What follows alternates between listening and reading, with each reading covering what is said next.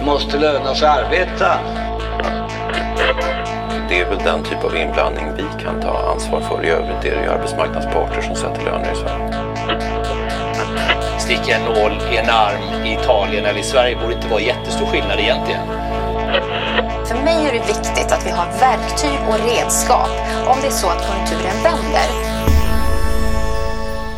Välkomna till Arbetsvärldens podd fredag den 18 oktober. Ibland hävdas det ju att välavlönade män inte har råd att ta föräldraledigt. I alla fall så finns det de av dem själva som hävdar det. Eh, trots det är det faktiskt välavlönade män som tar ut mest föräldraledighet. Hur kan det vara så? Vad är det som gör att folk inte följer de här incitamenten som vi har satt upp? Och kan vi dra några slutsatser av det som ökar jämställdheten? Det ska vi prata om idag. Och Självklart ska ni få senaste nytt från eh, vår specialredaktion En jobbig värld också. Hörni, jag välkomnar som vanligt Britta Lejon, ordförande SD. Hej! God morgon, god morgon. God morgon. Och Samuel Engblom, samhällspolitisk chef på TCO. God morgon. God morgon. Och vår gäst idag, Helene Eriksson, som är demograf på Stockholms universitet. Ja, hej hej. Hej hej. Jag heter Mikael Fältbom och är chefredaktör för Arbetsvärlden. Helene, du ska få berätta om dina studier och kommande studier här om det som du kallar för pappaledighetsparadoxen. Ja, just alltså just den här uppfattningen om att välavlönade män förlorar mer på att vara föräldralediga än vad lågavlönade män gör. Berätta lite. Ja, man ska ju ha ett klatschigt namn så då kom jag på det där, paradox där. Men tanken är ju då att Eh, det finns en extrem diskrepans då mellan vad människor tror eh, och vad de faktiskt gör. Och så är det. Vi samhällsvetare vet att det är så, så det är inte liksom bara föräldraledigheten där det här där det här gäller. Men, men just när det gäller det här så är det så att om du frågar föräldrar varför, varför var du inte pappaledig? Eller, då, ja, då är det väldigt vanligt att man säger att det berodde på ekonomi, det berodde på karriärshänsyn, det berodde på någonting som har att göra med att jag skulle förlora om jag gjorde det. Och sen när vi då tittar på vad folk faktiskt gör så är det ju en extremt stark positiv relation över hela inkomstspektrat. Så från de lägsta inkomsterna ända upp till de absolut högsta, 10 procent högsta, så tar man mer och mer föräldraledighet eh, för, för varje liksom, ja, decil då, som man kallar dem. Fick eh, faktiskt projektmedel för det här projektet så det här blir ett treårigt projekt från nu så mm. vi ska titta på just den här pappaledighetsparadoxen. Då. Mm. För, för är det så, du, om jag har förstått rätt så har du kommit fram till att det är så och det du ska titta på nu det är varför? Ja precis, att man tittar på mer, att man har fler mått eh, okej, okay, det verkar inte vara som man tänker då med ekonomin. Vad kan det då vara? Och då finns ju eh, ja, man kan tänka sig flexibilitet på arbetsplatsen, men då behöver man ju ha mått på det så att det liksom inte bara blir spekulationer. Då. Men eh, det finns ju en hel del ny teori som egentligen inte är testad. Så först kommer ju den här teoriutvecklingen man ja, spekulerar, man tänker så här borde det vara, man frågar folk och man försöker observera och sådär. Sen behöver man ju testa det med data. Hur ser det här ut? Eller och vad, det finns det för, vad finns det för teorier? Du pratar om flexibilitet på arbetsplatsen. Ja, precis. Den, alltså den nya stora teoribildningen skulle jag säga, det är ju att man pratar om att eh, det är inte de här ekonomiska incitamenten utan det är norm, alltså normbildning, könsnormer egentligen. Mm. Så det det handlar om det är att man då eh, som pappa ska kunna bryta mot könsnormen på arbetsplatsen. Dels att överhuvudtaget identifiera att det här är en rättighet. De flesta pappor, eller många pappor, känner inte att det är liksom, precis som man känner att man har rätt till andra av Försäkringskassans förmåner. Jag har ju rätt till sjukförsäkringen. Ingen skulle ju säga att jag inte hade rätt till den om jag var sjuk. Men föräldraförsäkringen känner jag liksom inte att jag har rätt till. Så att det måste man först identifiera sig med den rättigheten överhuvudtaget. Och sen måste man ju också kunna genomdriva det på arbetsplatsen utan att det känns för jobbigt. Liksom. Men, men i grund och botten är ju det könsnormer på arbetsplatsen och normer är ju det är lite vårt specialområde mm. i sociologi. Det är de här oskrivna reglerna. Va? Så att man kan tänka, eh, jag gör saker enligt lag, va? jag följer lagen. Man tänker lagen har en väldigt stor påverkan på ens liv. Men eh, man kan tänka som ett isberg, liksom. lagen det är det där lilla, lilla man ser uppe. Men den stora delen av vårt beteende regleras ju av de här normerna som är under ytan, helt oskrivna regler. Och det här finns ett, jätte, ett intressant experiment när man börjar tänka på det här. Då var det så här, om jag åker till jobbet med tunnelbanan på morgonen hur mycket av det jag gör, gör jag tänker jag enligt lag och hur mycket tänker jag enligt norm? Och då var det den här Milgram, han som gjorde de här elchockexperimenten, gjorde också det här. Då, då skickade han, tyckte han det var för jobbigt att göra det själv, så han skickade ut sina anställda då. Och så skulle de sätta sig, eh, de skulle be om att få sitta på tunnelbanan i New York då. Och så när de hade fått sitta, då skulle de säga högt och tydligt, åh vad skönt att sitta, jag behövde inte sitta. Och folk får ju panik. Det är, det är liksom, ja, men han gjorde en massa experiment för att visa vad de här normerna, allt det här som vi tar för givet, bara, det bara är så. Vi känner djupt in i oss att så här är det, det här är så. Men egentligen är det ju normer som man, eh, som man styrs av. Och de här är oskrivna, vi är ofta helt omedvetna om dem. Ja, det är de typerna av normer man börjar fokusera mer på nu när det gäller just föräldraledighet. Just det. Men du hade ju en massa andra teorier också om vad det här kunde bero på. Inte bara normer, utan just hur det är på olika typer av arbetsplatser på olika sätt. Ja, precis, normerna ligger ju till grund för en massa beteenden på arbetsplatsen också. Så är det ju.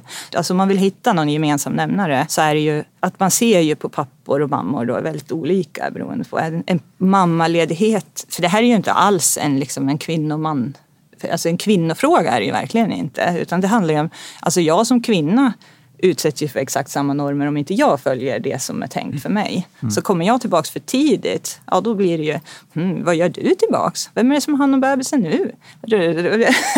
Alla de där grejerna va? som man själv gör ju, alltså, trots att jag vet att det här är ju hemskt att bli utsatt för när någon säger, men vad är bebisen då? Så liksom sitter man där och så är man på väg att säga det i alla fall. Så, att, äh, ähm, ja. så det är ju kopplat till naturligtvis, det är ju alla på arbetsplatsen. Det är ju, jag menar det är chefen men det är ju såklart också ens, eh, ens medarbetare. Som, ja, man, man har ju samma typ av liksom normstruktur som man lever Det bara inom. slog mig nu, men hur ser kvinnors uttag ut i förhållande till inkomst? Nej, det är precis tvärtom Det är för precis kvinnor. tvärtom. Det är därför vi tror att det här skulle gälla för män också. Mm, Så hela den tänker att- internationella litteraturen förutsätter ju att samma sak som gäller för kvinnor borde ju gälla för män. Men du har ju Mm. inget empiriskt underlag för att det är egentligen bara Sverige som män tar föräldraledighet. Nej, för jag tänker att det är jobb som ger sämre lön är ju ofta mer inflexibla. Det är väl därför då som eh, det kan vara jobbigt för män. De behövs verkligen på jobbet då. Men det gör ju kvinnor också i Ja. samma utsträckning. Så det är ju intressant att det är vän- omvänt. Då. Precis, det finns ju intervjustudier där du har intervjuat två personer på samma jobb, två lärare. Och när kvinnan kommer och säger så här, ja nu ska jag ha barn, då, då förutsätter man att hon kommer att vara borta två terminer, tre terminer. Så kommer mannen och så säger han, ja, nej men jag hade ju tänkt att vara borta två terminer. Nej, nej, nej, men, det, nej men det går inte. att man liksom, samma yrke, samma arbetsplats reagerar helt olika på det här beskedet att man ska få barn. Det är ju också normstyrt naturligtvis. Både Så- Samuel och Britta, ni har ju tittat på de här sakerna i, liksom, det finns rapporter och så vidare. Vad är era liksom, Ja, men ingångar? in, in, innan, innan, liksom, eh, in, innan vi liksom eh, diskuterar eh, liksom, teorier och tankar om så här, får jag bara fråga eh, det här utgångspunkten att de faktiskt förlorar ekonomiskt mycket på att vara borta, de som tjänar mycket. Stämmer den verkligen? För åtminstone på den delen av arbetsmarknaden där mina medlemmar mest befinner sig så ser vi att det är ju inte helt ovanligt att vi har, vi har ju liksom avtal som gör att arbetsgivaren går in och täcker det inkomstbortfall som föräldraförsäkringen ändå innär. Och det är vanligare på vissa typer av arbetsplatser än på andra typer av arbetsplatser. Har ni liksom kollat upp sådana där grejer då? Så det finns ju en hel del studier på eh, jämställdhetsbonusen. Det var ju precis en policy som skulle utjämna och det, ju, det krävdes ju enorma löneskillnader om det skulle bli någon skillnad om du tog ett jämställt uttag. Eh, så, och det hade ju ingen effekt överhuvudtaget. Det var ju det var en policy som syftade enkom till ekonomiska incitament. Sen när jag har gjort en studie av eh, just taket, för det är också ganska vanligt att man säger ja men det här taket det är ju vägen för oss. Ja då höjde de ju taket. Ja då tittar man ju så här, om nu människor var så här i startgroparna och det var taket som tryckte dem tillbaka och de ville så gärna. Då skulle man se en momentan förändring. Det, det är inte rimligt att tänka sig att det hände absolut ingenting i, i vabben då. Det ändrade inte uttagsmönstret alls. Men jag tänker- Så att, eh, det finns ju ganska mycket bevis eller många olika typer av studier som tyder på att de här ekonomiska incitamenten är inte det vi tänker på när vi går på tunnelbanan på morgonen utan det är de här normerna som styr mer vad vi gör. Eh, Så. Men jag tänker när man pratar om att man förlorar ekonomiskt, då får man skilja på två saker. Dels är det här, okay, vad händer under själva föräldraledigheten? Alltså hur klarar vi vardagen där? Mm. Och då kan man tänka sig att klart, har vi en högre inkomster så har man något större marginaler. Eh, att leka med. Då blir, eh, samtidigt då, som det var ju en sån sak som vi visade från TCO för några år sedan, att la man på de här eh, de kollektivavtalade upptoppningarna som, som Britta pratar om plus den jämställdhetsbonusen då, då, då, då var det inte, skulle det vara väldigt stor skillnad mellan två personer i ett hushåll för att det skulle liksom, eh, för att man skulle förlora väldigt mycket på att den som är med högst lön var hemma ja, istället. Så att, att den, den ekonomiska, jag tror vi liksom lyckades döda den myten lite att det var så stor, att det skulle vara så stor skillnad, man skulle, att man förlorar. Så det argumentet håller inte rent ekonomiskt då. Men sen har vi det som händer sen. Det vill säga hur påverkar det här din inkomstutveckling och din karriär efter? Och det är väl lite sånt här som när man verkligen börjar prata om vad, vad är det som gör att folk är hemma och inte? Hur, att det är den typen av tankar man, man, man... Och då är det klart att bryter jag mot normen på en arbetsplats då, klart, då finns ju den här risken att jag liksom bestraffas sen. Jag, anser, jag uppfattas inte som lika ambitiös eller jag uppfattas inte som, som lika att jag eh, bryr mig lika mycket om mitt jobb om jag är hemma längre. Det är ju den typen av, av teorier. Men nu vet jag också, det kom en annan studie från Stockholms universitet som, på finska data häromdagen som, som, som hade hittat, då tar man ut, man tar ut mindre i Finland. Eh, än Mycket, Sverige. mycket Ja. mindre. Det ska man komma ihåg. men då hade man tittat på de papporna som tog grupp. Mm. lite mer och då var det väl så att de, de eh, pa- pappor i, alltså lågavlönade pappor som tog mer än de här, den öronmärkta månaderna det var. De liksom fick, för de fick det konsekvensen efter att de faktiskt fick lägre lön. Medan högavlönade pappor som gjorde samma sak, de fick högre lön än de som hade bara tagit det här tror jag. Eh, eller de som inte varit pappalediga alls i vart fall. Så att det, då skickar det någon annan typ av signal. Ja. Eh, Så det tycker jag det är ganska intressant det här som kommer sen. För en sak är det här, Absolut. det- hur klarar vi vardagen, det- men vad får det för konsekvenser? Ja, och det har jag med också att jag tittar på karriärsmöjligheter. Så att om det vore så att man var så väldigt oroad för sin karriär, det som kommer sen, Eh, då skulle man ju kunna tänka sig att det finns ju ganska många yrken som egentligen saknar karriärsmöjligheter. Som man kan kalla, inom forskningen kan man kalla dem dead end jobs. Och det låter ju som att det är normativt men mitt yrke är till exempel ett sånt. vi har ju i princip nästan ingen lönespridning. Och då har vi ju liksom ingen karriär så att göra. Så det finns ju de yrken, men det finns ju andra yrken självklart som är det, är en väldigt, väldigt liten lönespridning. Jag tänker forskare om vi ska vara Ja, ärliga. fast ni har ju massor med du har ju andra massor, ja, inte löner, men det är klart, du har ju bara- publikationer, du har ju, det är ju status. Precis, det är sådana det handlar saker. om. Ja. Så det där kan det väl som finnas utanför, jätte... möjligheter att vara med i sammanhang Ja. utanför det egna lärosätet som också är, in, är inkomstbringande. Det är ju ganska många Precis. eh, väldigt eh, högavlönade skulle jag säga, professorer som liksom deltar i en massa sammanhang och både skriver saker och deltar i seminarier och sånt här som inte alls är lågavlönade. Alltså, Precis. Så, så Och att, din Och mediekarriär jag- kommer ju inte att få skruv efter den här podden. Men det har jag ju tittat, ja, precis, absolut är det så. Men då ska man komma ihåg att eh, samhällsvetare är också de som tar absolut längst pappaledighet. Trots detta. Ja. Så att eh, det, det är hela tiden att vända Ja. och vrida på de här grejerna. Men absolut, så en grej är inkomsten, en grej är hur man skadas inkomstmässigt. Och en annan är ju mer, det pappor beskriver i den här teoretiska ansatsen, alltså när man intervjuar och försöker verkligen komma åt de här normerna, det är ju att man beskriver, kanske inte att man straffas direkt per krona utan att man eh, att man ska kunna komma tillbaka till sin arbetsplats och så står skrivbordet kvar. Liksom. Man ska inte bli flyttad till kopieringsrummet, bli av med alla de här spännande projekten. Och, men och så är det ju det här. ofta när man är föräldraledig. Ja, och det är ju det som trycker tillbaks väldigt mycket. Så att det är de här mer små, svårfångade sakerna. Men, men inom forskningen pratar man mycket om signaleffekter. Så att eh, kvinnor eh, kan man säga då blir liksom straffad just när det gäller arbetsmarknaden då är- av statistisk diskriminering. Att man, liksom, man vet redan när man anställer en kvinna att den här personen kommer att vara föräldraledig. Så Man liksom tar med det in i beräkningen så att säga. Medan en man då kan ju vara, jag tror att vi, jag menar vi alla för att orka gå till jobbet på morgonen måste vi intala oss att vi gör någonting viktigt. Liksom. Så vi alla jobbar ju ändå ganska, vi vill ju visa att ja, men vi vill ha nya roliga saker och sådär. Det, det är inte så många som går till jobbet och känner att jag, jag struntar helt i hur det går här. Det, det gör man inte. Eh, men, men man kommer till jobbet och man är i unga år. Man vill liksom visa framfötterna och visa allting. Eh, och då om man då är, är pappa och arbetsgivaren har, då letar man liksom signaler. Då. En arbetsgivare söker, har ju inte komplett information om sin arbetstagare utan man anställer ju och hoppas att det kommer att bli bra det här. Så då letar man vissa signaler på om den här personen är villig att jobba eller inte villig att jobba. Och då just pappaledighet sänder en väldigt stark signal att jag är liksom inte att lita på. Medan en mamma som får jobb sänder inte den signalen för det var liksom redan förutsatt från början. Det, jag menar mammor måste ju få barn för annars föds inga barn. Så Men det- trots det så verkar ja. ju då välavlönade pappor som är pappalediga belönas då i efterhand. Ja, Även jag om tror de man ses inte som ska... opålitliga. Precis. Det där är Finland och en väldigt, väldigt liten grupp pappor. Så att man kan, man kan, där kan man tänka lite. Det är väldigt olika när någonting är ett brett beteende som i Sverige och när någonting är väldigt, väldigt få. Men är det inte det lite får- så i Sverige också då? Eller ser man inte tendenser Jo, till att det är på samma sätt att eh, folk som har varit, eller det kanske är folk som har fått barn, det är inte folk som har varit föräldralediga som drar iväg lite karriärmässigt.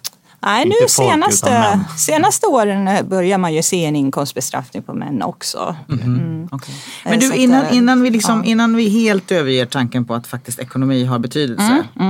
Alltså det kan Alltså, du ju ha. Du, du kan ju bara observera jo. nettoeffekter. Så jag säger absolut inte att det inte har. Men det för- kanske inte är nej, det jag hör att du inte viktigaste. säger det. Men, men, men, men, men du säger precis, du börjar ifrågasätta om det är det viktigaste. Ja. Och, och jag är fortfarande där att jag... Är du ung, befinner dig i början av ditt yrkesliv, precis som du så träffande beskriver, vill visa framfötterna, vill visa liksom att du är någon att lita på och, och sådär. Så i min värld är det ändå så att inte bara den här normen om att om man går att lita på utan att det fortfarande också har enorm betydelse om man har några ekonomiska marginaler eller inte. Och är du ung och inte är, eh, tillhör någon liksom medel eller högavlönad bransch utan istället har det väldigt svårt att få det att gå ihop. Alltså att få, du behöver få in de här kronorna varje månad eh, och får du inte det så är det Alltså du har liksom inga marginaler, du har inte hunnit arbeta upp något sparkapital, du har kanske inte heller föräldrar du kan eh, liksom få ekonomiskt stöd av. Då inbillar jag mig nog faktiskt att ekonomin måste komma först för Ja. folk. Jo men absolut är det ju så. Det är, en sak man ska komma ihåg som man ofta kanske inte tänker på det är att man säger att ja, men till exempel de här inkomstersättningarna ger 90 procent av lönen. Men nu använder ju nästan alla föräldrar, eller ja, över 85 procent kanske, det drar ju ut på sina dagar och använder obetalda dagar. Så när, som, någon gång gjorde jag någon bara enkel överslagskalkyl. Liksom, hur mycket får man egentligen? Alltså det riktiga beteendet. Hur mycket lever de här människorna på? Och då är det nere nästan i 50 procent av lönen. Eh, Så att eh, det, det finns en grupp i samhället som tar dagarna så som det är tänkt. Sju dagar i veckan, hela sjoket i början. Och det är ju självklart de som har väldigt små marginaler. Så det är en särskild nå- grupp. det är också, liksom. det, så är det definitivt. Ja. Men jag, är också, jag är ju äldre än vad ni är så jag, det var ju länge sedan jag hade småbarn. Mm. Och den tiden gjorde ju alla så, man tog ut det. Ja. Liksom, för, Nu är det och det nästan fanns liksom inga... väldigt liten grupp som Ja, gör det faktiskt. Jag vet. Ja.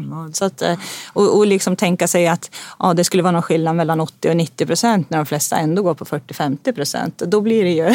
Fast det, de det där- påverkar Men ju ändå, absolut eftersom du får påverkar 80-90% ekonomin. för den dagen. Så det är klart att någonstans där, för någonstans måste man väl göra någon form av kalkyl. Och det är klart, då kan den komma lite, då kan du faktiskt ta ut ännu mer inte, eh, mindre intensivt. Ja, Om jo. ersättningsgraden är högre. Herregud. Man ska ju inte säga att ekonomin inte spelar någon roll, men Mm. ekonomin som liksom orsak som ska Ekonomin som ska göra oss jämställda, där kanske inte är sentimentet. Mm. Men Men, här kan- självklart jätteviktigt för en mängd olika saker. Man sa väl den här uppfattningen då som du kallade en myt i början att välavlönade eh, förlorar mer på att vara föräldralediga. Ska vi fortfarande tro att det är så fast inte så mycket som vi kanske har trott förut eller är det, är det en myt totalt? Men är det inte så skilj- alls? Men man får skilja på saker. Det här pratar vi om då. För jag säger, det var ju då vad, hur mycket man får i ersättning Precis, när man är om vi- om vi håller- om vi Och det börjar vi- med att hålla oss till ersättningsbiten då, så Och tar vi var det- vad tittade karriärbiten på sen. var ju det att, att, att, eftersom det ofta sägs då, ja, men den som har den högre lönen, vilket oftast är mannen, kan, vi kan liksom inte, vår, vår privata ekonomi klarar inte att han är hemma. Eh, då. Och då tittade vi på det, men stämmer det? Och då när vi tog, låg in de här kollektivavtalade försäkringarna och även jämställdhetsbonusen så visade det sig att, att den där skillnaden var väldigt, den blir väldigt liten. Så att det är inte så att, här, att hushållsekonomin liksom går på knäna av att den, den mer högavlönade är hemma. Det var det som, som vi visade, för det är en väldigt vanlig uppfattning. Så.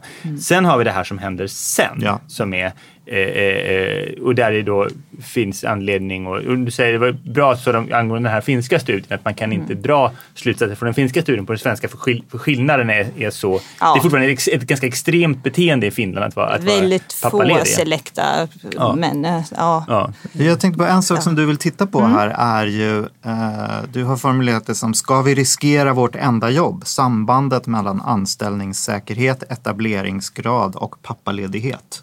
Ja, just Vad det. menar du där? Alltså för, föräldraförsäkringen är ju... de- Dels så har ju det här, ja, vad diskuterar vi? Är det jämställdhet här eller, eller är det de som faktiskt har det ekonomiskt svårt? Sen har du ju en, en stor del av paren där eh, man tänker ju det här villa, Volvo, vovve, va? att alla skaffar ju barn. Liksom man, man förutsätter att det är någon slags självklarhet. Men eh, 25 procent av paren har ju någon i paret som faktiskt inte är en del av arbetsmarknaden. Man studerar. Man, och de här de slår vi ofta bara ihop på aggregatet. Liksom. Vi tänker ju inte på att det där blir ju, vad betyder det att vara föräldraledig om du är arbetslös? Det betyder ju inte att du måste säga till din chef att nu ska jag vara hemma. Det betyder någonting helt annat. Och där blir det ju mer, många grupper blir det ju bara en inkomstförstärkning. Att, att, eh, eller en förlängning av, av eh, a-kasseperioden. Eller, ja. så, så det betyder väldigt många. Jag, jag, den gruppen är någonting som vi sällan bryr oss om så mycket. Vad betyder föräldrapenning för de här personerna? Och vad betyder det när Ja, vad är det för skillnad här då? Om, om mamman är den som inte är en del av arbetsmarknaden men pappan är det. Eller om det är tvärtom. Ja, så så att, eh, det projektet ska syfta till att titta mer. Men där, där ska jag säga att vi, där vet vi inte. Egentligen är det ju två helt, de båda heter ju föräldrapenning. Men det ena är ju en inkomstersättning och det andra är ju det här bas, eh, vad heter det för något, grundbeloppet. Va? Och de har ju helt olika funktion i ett par. Så att, eh, där, där blir det också tokigt när man blandar in dem. De här. Så det är det jag ska titta på. Men det kan jag inte säga. Ja, jag kan ju säga att de eh, det finns ju helt klart ganska många par där föräldradagar brinner inne som du hade kunnat tagit. Som inte, det finns ju många pappor som inte ens tar sina pappamånader på grundnivå trots att de ändå inte var en del av arbetsmarknaden. Så där, ja. Men kan anställningsvillkor spela roll även om, man inte, även om man inte bara har ett jobb i familjen? Alltså den typ av jobb man har och eh, hur trygg man är och så vidare. Till exempel. Ja, absolut. Det tror jag. Alltså, Sverige är en förutsättning för att vi ska kunna vara föräldralediga, att vi inte får sparken. Det ska ju... Så där kan du ju bara titta på USA, där får du ju sparken. Och då, det är klart att det, då får du ju välja då. Vill du jobba eller vara hemmafru då? Så blir det ju, om du, om du får barn, då, då, ja, då blir det ju nanny efter några veckor. Då. Så Vad det är klart dina- att det är en, det är en ja, Vad kommer du kolla mest på här? Då? Vad är dina teorier? Vad tror du att du kommer att hitta när du är klar med den här studien? Vad är det, vilka faktorer kommer spela den största rollen? Liksom? Ja, alltså jag tror ju. Jag, ja, hela blandningen. Säkerheten på arbetsplatsen, kunna komma tillbaks, det ser ut lika. Ehm, Är du, har du låg yrkeskvalifikation, om du är, inte vet jag, väktare, så åker du på, direkt när du är hemma så åker du på ett annat schema eller du åker på nattskifte inom restaurang. Alltså det är de där grejerna liksom som vi måste fokusera mycket mer. Precis som ni säger, inte kanske vad händer om jag kommer tillbaka karriärsmässigt utan man kanske inte är intresserad av avancemanget när man kommer tillbaka. Man kanske bara vill ha det lika. Jag kanske bara inte vill ha nattskifte på disken. Jag, jag vill verkligen inte ha det. Men, men eh, jag menar, det, det är de sakerna jag tror är mycket viktigare än, än man tidigare har tänkt sig inom den här typen av forskning. Så att, eh, Ja, vad, tror, vad tror Men Samuel jag- och Britta Jag, spontant? jag, då? tror att, Nej, den- jag tror att den där aspekten är jag. jätteviktig. Ja. För att det är lite, jag tänkte apropå den här finska studien, då blir det liksom så ja vi har en norm i, i, bland människor med låg utbildning och så har vi andra normer bland människor med hög utbildning. Va? Eh, och, och då och titta här, de upplysta, de, de tar minsann sin pappaledighet. Det som var så eh, symptomatiskt i den här studien var ju också att eh, välavlönade män visade upp sin pappaledighet Ja, det var, det var, det var enligt en den där amerikansk studie som de liksom Ah. citerade där. Ah, det här vad man gjorde den här Ja, just utåtriktade. det. man stod på fotbollsträningar man gjorde. Alltså det var det här vad man sen gör. Men, men jag Hur man gjorde det men med tycker så små barn, men- men det jag vill säga är det här, jag tänker att då blir det här med anställningsvillkoren vilken stor roll spelar de? Därför att de skiljer sig åt. Det är ju den här tryggheten i anställning. Vad har jag för ty- har jag en visstidsanställning som är väldigt kort eh, Ja. eh, och som jag blir beroende av att den förnyas. Så det är klart att det skapar en annan typ av beteende. Så jag tror att det är jätteviktigt att gräva ner i det där.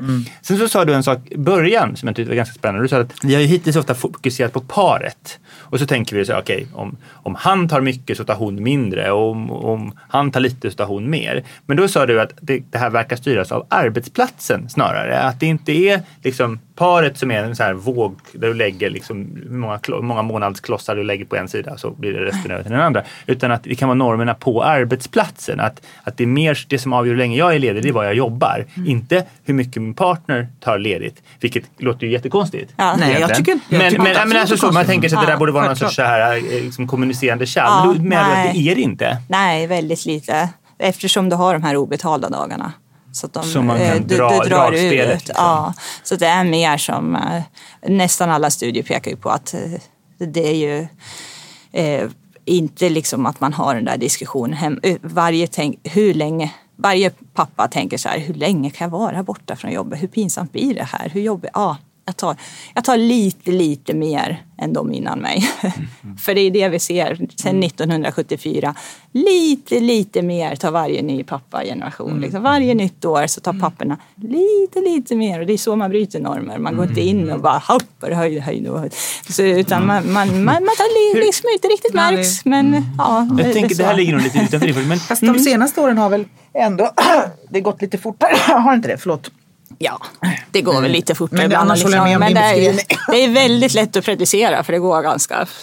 Man kan säga nästan precis vilket år det kommer att bli 50. Jaha, vilket år blir det då? ah, det vet jag inte. Det handlar Sånt håller inte jag på. pappamånaderna som, eh, Men jag, jag är ju demograf så då vill man gärna predicera och då predicera befolkningsförändringar som går så här är ju väldigt svårt. Men pappaledigheten har ju gått från 74 0,5 procent och sen li- liksom uppåt så. så att det är ju, jag tänkte det här också vad som händer sen. Eh, då, för att det är ju väldigt viktigt för liksom, det jämställda arbetslivet. När vi tittar på TCO-förbundens medlemsgrupper så kan ju vi se att det är hack i kurvorna där. Alltså att eh, man jobbar heltid i ungefär samma utsträckning fram tills man får barn och då jobbar kvinnor mycket, deltid mycket högre utsträckning efter det. Medan då kanske eh, på LO-sidan så är det så ofta man jobbar deltid för det finns inte heltidsjobb. Så då jobbar man deltid även innan. Men för oss, det, vi kan ju se att det, liksom, det hackar till i kurvorna och löneutveckling och massa saker. Ja. Och då är frågan, om, om vi då tänker oss att, att män och kvinnor tar delar mer lika, vad det då skulle kunna tänkas få för effekter. Vad vet vi om vad det har betydelse för det här oavlönade hushållsarbetet sen, som vi upplever som en del, och vad vet vi vad, liksom, vad det får för, för, för effekter på löneutveckling och sånt. Alltså det, jag, tror, jag tänker där, var, hur och hur, jäm, hur jämställt behöver det bli för att vi ska liksom få effekter även efter själva föräldraledigheten? Förstår du hur jag Oj. tänker? Ja, eh, det är en otroligt svårt upplagd studie just om man tänker vad, ehm, om du tar föräldraledigt och sen ska du försöka ta reda på om de pappor då som, eh, som tog föräldraledigt engagerar sig mer hemma. Där har du den enorma selektionseffekter. Det är samma typ av pappor som är föräldralediga som engagerar sig hemma. Det betyder inte att föräldraledigheten har orsakat engagemanget hemma. Jättesvår typ av studie att göra. Finns liksom ett fåtal, en handfull i världshistorien egentligen. Därför att det krävs en typ av experimentdesign då för att kunna säga att det här har orsakat det här. Så det finns väldigt få, jättemånga observationsstudier men det, det är ju liksom ja, samma Här har vi, typ har vi ett klassiskt exempel av korrelation men inte nödvändigtvis kausalitet Ja, här. precis. Det är ju det som är problemet. Liksom. Det, det är hörni, så det ser ja, ut. Man Ja. kan, kan man sammanfatta diskussionen med att liksom, ekonomi spelar roll, absolut. Men det som också spelar väldigt mycket roll är hur arbetsplatsen ser ut.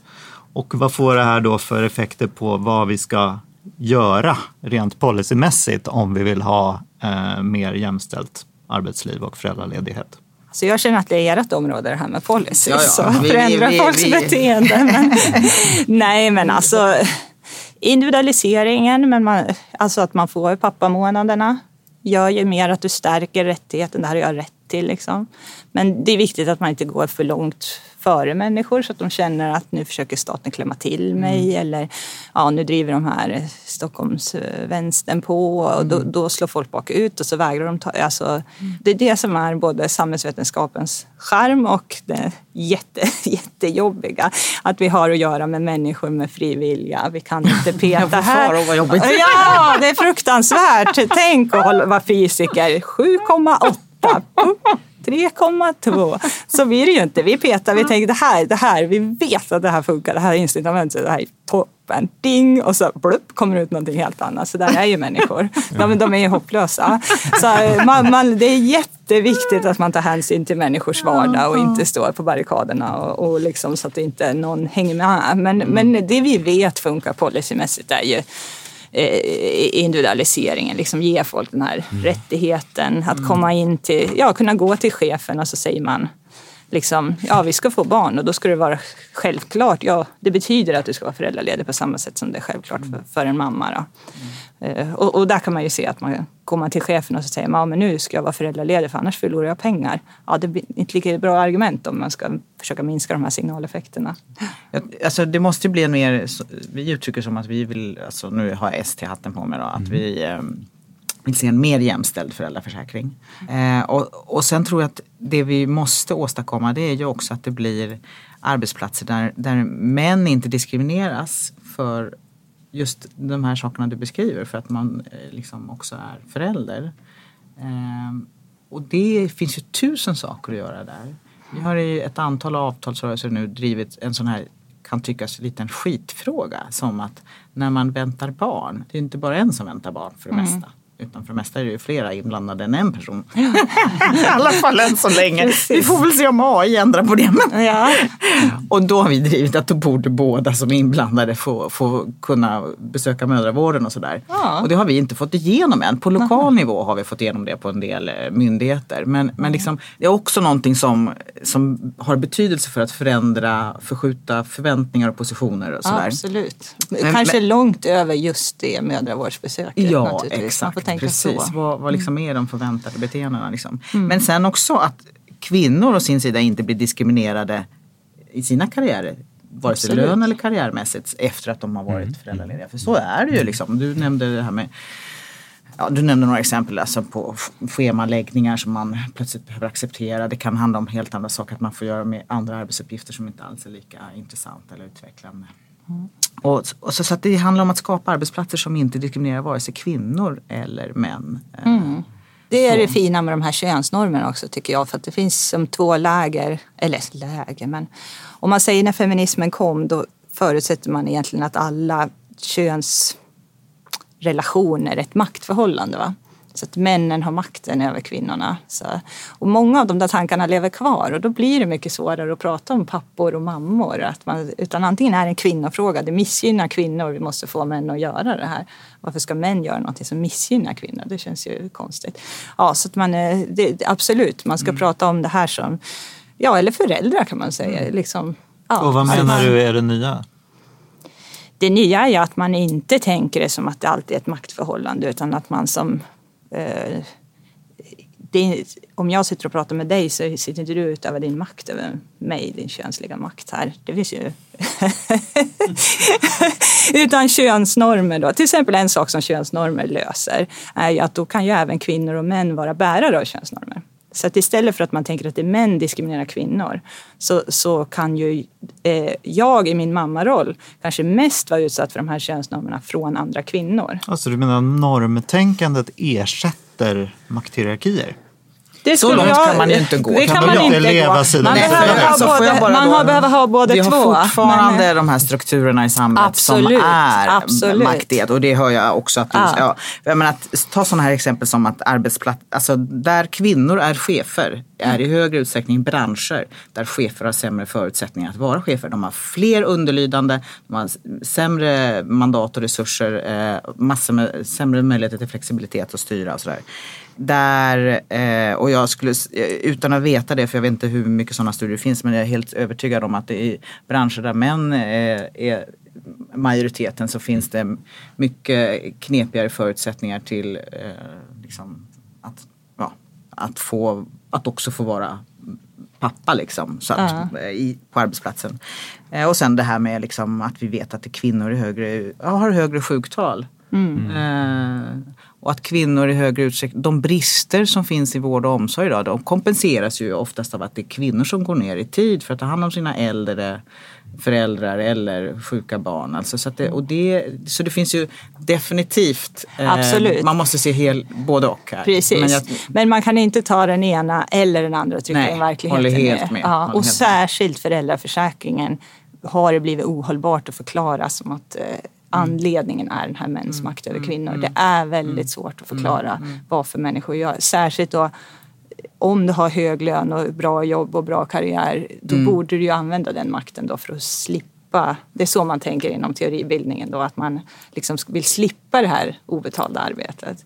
Men varför skulle man vilja slippa att vara med sina barn? ja, det fin- eh, ja. Nu ska vi inte gå in på den jätteteoribildningen just på maktstrukturerna. Men jag tror att Mm. båda perspektiven behövs. Absolut. Man kan inte trycka in hela, man kan absolut inte trycka in människors föräldraledighetsanvändande i, i den här män kvinnor maktstrukturen utan man måste komplettera med könsnormer som både män och kvinnor kan vara bärare av. Eh, Så. Eh, Jag, det, det är ju bara anekdotiskt naturligtvis men jag upplever ju som kvinna att det är mest kvinnor som har åsikter om mitt beteende när det gäller barn, tycker jag. Att man blir ganska kämmad och ah, ska du tillbaka till jobbet nu? Och det är liksom inte män som säger det till mig utan det är andra kvinnor som liksom försöker tvinga in mig i den här kvinnorollen som de uppfattar som är den riktiga kvinnorollen. Liksom. Så att eh, könsnormer löser ju mer. Då, då, då kan även kvinnor vara bärare av de här könsnormerna. Gud, det här kan vi göra Ja. många poddar ja, jag kände också det. Gud vad bra två där det. Samuel ska få säga någonting också då om eh, när Helene är färdig med sin studie. Vad tror du att vi kommer se som så här, oj, det här måste vi ändra på. Eh, de här, den här policyn måste vi anta nu efter att vi har fått den här nya kunskapen. Alltså eftersom studien inte är klar så är det en väldigt svår fråga att svara på. Men det jag kan säga är att menar, vi, vi vet att föräldraförsäkringen har, alltså det, det här hur man öronmärker tid, det har haft effekt på uttaget och, vi har, och säkert då som vi ser någon sorts långsamt förändrade normer det här att varje generation tar lite mer. Varje generation av pappor tar lite mer. Eh, men sen är det också intressant det här som då händer efteråt i, i, i arbetslivet. Och där tror jag att Britta har en jätteviktig poäng att, att eh, vi måste titta på eh, det här med kvinnors deltidsarbete, som, som, som sak som vi gör, vet leder till det här, eh, det leder till ett inkomstgap. Det är det mycket där vi ser sen skillnaden i pensioner kommer utav den typen av saker. Och just för, för våra förbundsmedlemsgrupper så är det ju så tydligt att det här inte beror på att det inte finns jobb eh, eh, på heltid, utan det här är ju de grupperna där det brist som, har, som går ner på deltid. Det är ju sjuksköterskor, ja. eh, så. socialsekreterare, där vi kan se den typen utav, av liksom, eh, tendenser. Och då då kommer du in där, dels är det arbetsmiljön. Och då är vi tillbaka, ja, och det här är då, det, det här är då om du, du har en, när chefen har 20-25 eh, under sig, inte 8. Det är ju en sån sak. Och sen är det ju välfärden, att vi faktiskt eh, eh, den måste fungera så bra att man av den anledningen inte går ner i arbetstid. Och då handlar det både om att, så här, jag säger det, att, att tioåringarna ska tycka att det är kul att vara på fritids. Så att man inte känner att man måste gå ner i arbetstid för att hinna hem. Liksom, så de inte ska vara hemma för många timmar själva. Och, så här. och att, eh, vilket jag tror kommer bli en växande fråga, äldrevården, eh, äldreomsorgen, att den måste fungera därför att, att där finns det då en generation som kan hamna där mittemellan de här två, den här sandwich-generationen. Liksom. Eh, så det, det måste vi också tänka på. Det kommer en, det här vad heter det, IZA, det här tyska institutet som gör mycket arbetsmarknadsforskning, de kom med en, en eh, paper häromdagen där de har tittat, nu var det amerikanska data, men där de säger just det här som, som vi har sagt länge i Sverige, att de här, de här välfärdsinstitutionerna, de är jätteviktiga för könslönegapet. De har en stor effekt på det, eh, hur de är utformade. Så jag tror den måste vi prata och, och det som jag hoppas väl från Heléns studie är att vi kommer hitta nya eh, saker som kanske är lättare att ge sig på med, med politik och policy. Därför att många av de här frågorna är ju saker som vi diskuterat länge. Människor har en väldigt bestämd uppfattning, eller framförallt poli, politiken och po, olika politiska partier och politiker har ofta ganska bestämda uppfattningar om vad man vill med föräldraförsäkringen. Vilket kan låsa den. Va? Eh, och det är klart, dyker det upp nya frågor så kanske det där kommer, kommer inte vara lika låst. Alla har inte grävt ner sig i sina skyttegravar. Utan, och då kan ju det öppna upp för att kunna göra reformer som verkligen påverkar eh, jämställdheten på arbetsmarknaden. Så det är där jag, jag hoppas att det kommer något sånt här nytt så här. Wow, vänta, Oj, här oj. finns den. Nu blir jag alldeles nervös. Nej, men jag, så vi hittar den där skruven som vi vill skruva på. Ja, Ja. ja. Ja, egentligen hade jag tänkt fråga någonting om den internationella bilden också. För jag tänker att du pratar om den tyska studien med pappaledighet. Det är väl något som finns i Sverige och lite i Norden i stort Ja. sett. Liksom. Ni får Men gärna ta mig ur min någon- villfarelse men jag tror ju att, att vi har en föräldraförsäkring har enorm betydelse för att vi faktiskt har eh, bidragit till att få ett mer jämställt eh, samhälle. Sen har det ju enorm betydelse med skattefrågorna och andra grejer också, så det vet vi. Men vi började här väl har- också i så här särbeskattning och sen så med utbyggd eh, dagis och så vidare. Och sen så gick det här i någon process. Hur ser det ut ute i världen? Finns det någonting som tyder på att pappor kommer ta föräldraledigt framöver?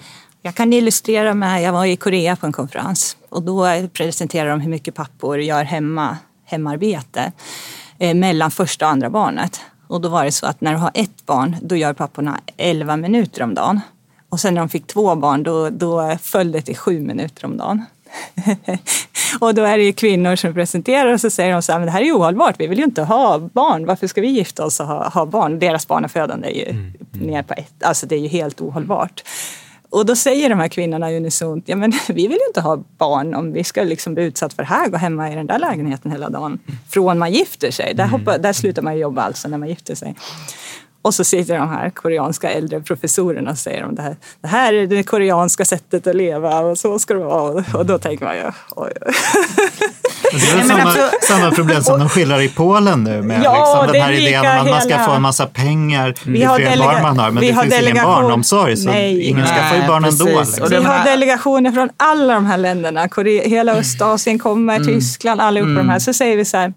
Så säger de, ah, men hur mycket pengar måste vi ge? Nej, ni måste faktiskt jobba Mm. med något svårare. Ni måste jobba med jämställdhet. Nej, men det går inte. Nej, Mm. nej, jämställd, nej det här är, det är så män är i Tyskland. Ja, Ja, men, och sen även, även sådana här länder som man ju som svensk har en bild av att ja, men vi är väldigt lika, det är väl ungefär lika jämställt nästan. Sådär. Ja. Alltså, så, jag var på någon konferens i Haag för två, tre år sedan.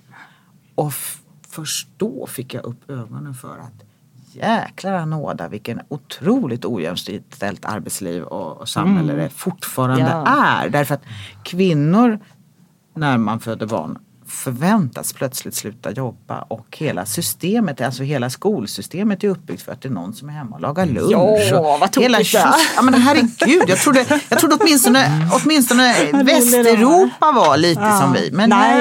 Nej, men det, det är en skillnad. Jag, var, jag pratade förra veckan var det väl på ett seminarium som eh, EU-kommissionen och, och frank, franska och tyska och finska ambassaderna anordnade som handlar egentligen om ja, ny teknik och AI och arbetsmarknad och så. Men då säger en tjänsteman från kommissionen där att, att ja, men det här med ny teknik kan ju leda till, det kan också göra att vi får ett, ett mer jämställt arbetsliv. Vi får, det blir lättare att få liksom, livspusslet att gå ihop därför att man kan bli nådd hela tiden och så här. Va? Så han beskrev det här, det här är någonting som skulle kunna typ, hjälpa upp den kvinnliga sysselsättningsgraden. Och då var jag tvungen att protestera. Mm, därför, jag så här, därför att då, då, då har man ju liksom det blir då en individuell lösning på ett samhällsproblem. Mm. Det, är så här, ja, det, det hjälper dig att fixa och trixa.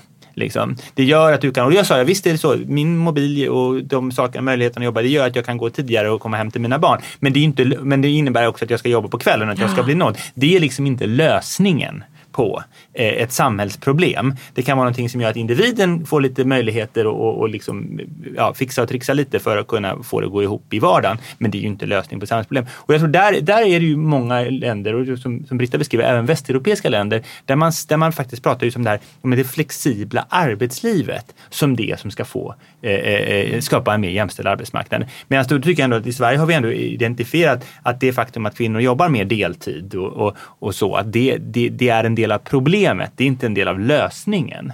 Exakt. Men det tror jag det är många länder som fortfarande Absolut, ser som en del av lösningen. Ja. Verkligen. Nej, Jag, har ju, jag lämnade häromdagen, vad är det för dag idag? Fredag, i tisdags lämnade jag rollen som ordförande för de statliga facken i Europa. Och vi har ju drivit jämställdhetsfrågor gentemot Ja, hur går det för er?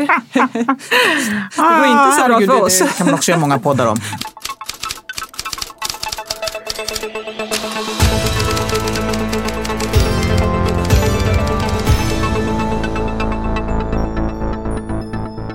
Lågpriskedja vinner upphandling för sjukvårdsmateriel.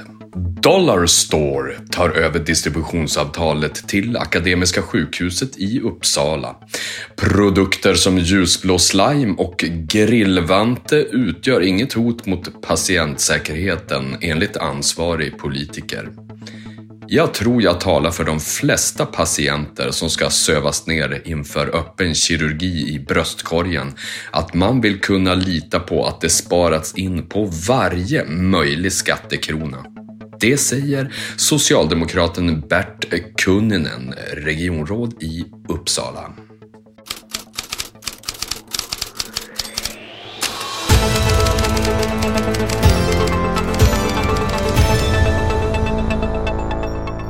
Det ni hörde var Lars Berge, som ju är den här eh, specialredaktionen En jobbig värld helt enkelt. Kommentarer på det här? Ja, men vad ska man säga? Eh, det måste finnas någon gräns för eh, besparingsiver. Det måste finnas en insikt om att sånt som är verkligen kärnkompetensen i samhällsuppdraget och dit hör faktiskt patientsäkerheten. Det, det, må, det måste man liksom ta om hand på det sätt det förtjänar. Och om man inte tar om hand saker inhouse, eh, vilket jag tycker att offentlig sektor borde göra mycket mer, så måste man åtminstone försäkra sig om att eh, de man eh, köper tjänster av, eller produkter som i det här fallet, de, de klarar av att leverera. Har vi nått gränsen för vad offentlig upphandling kan åstadkomma? Liksom? Fast det här är ju saker som du måste, det här är ju saker som kanske inte, alltså, vi ska inte ha en statlig fabrik för plasthandskar. Utan det måste köpas in. Mm. Det som händer här, om jag har förstått den här historien rätt som har varit i, i Uppsala och en del andra. Det är ju dels då att man har, i den här övergången mellan två leverantörer så har man inte haft några lager. Och det är först att man, för lager kostar. Så det är någonting som man ska göra, man, vi har inte lager. Och det kan man tycka, i en, en verksamhet som sjukvård där man måste ha en viss beredskap, ja, den måste du ha lager till att börja med.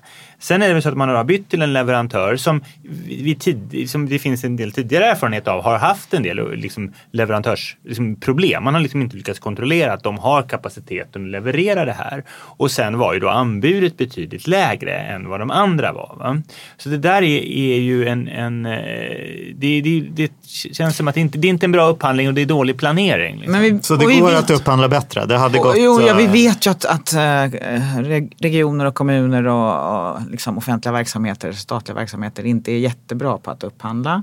Eh, men det, så det är ju verkligen så. Vi har ju nu en ny upphandlingsmyndighet sedan några år tillbaka som ska försöka eh, öka den kompetensen. Men det finns också gränser för vad man kan upphandla och jag tycker att när vi till exempel nu då har fått reda på att den senaste arbetslöshetsstatistiken från SCB eh, att det kanske inte är så illa med den som vi trodde utan att man tror att det finns eh, statistikfel från den leverantör som levererar en del av underlaget. Och jag måste säga att jag blev lite förvånad för jag trodde faktiskt att det fortfarande var SCB som gjorde det här själva. Mm.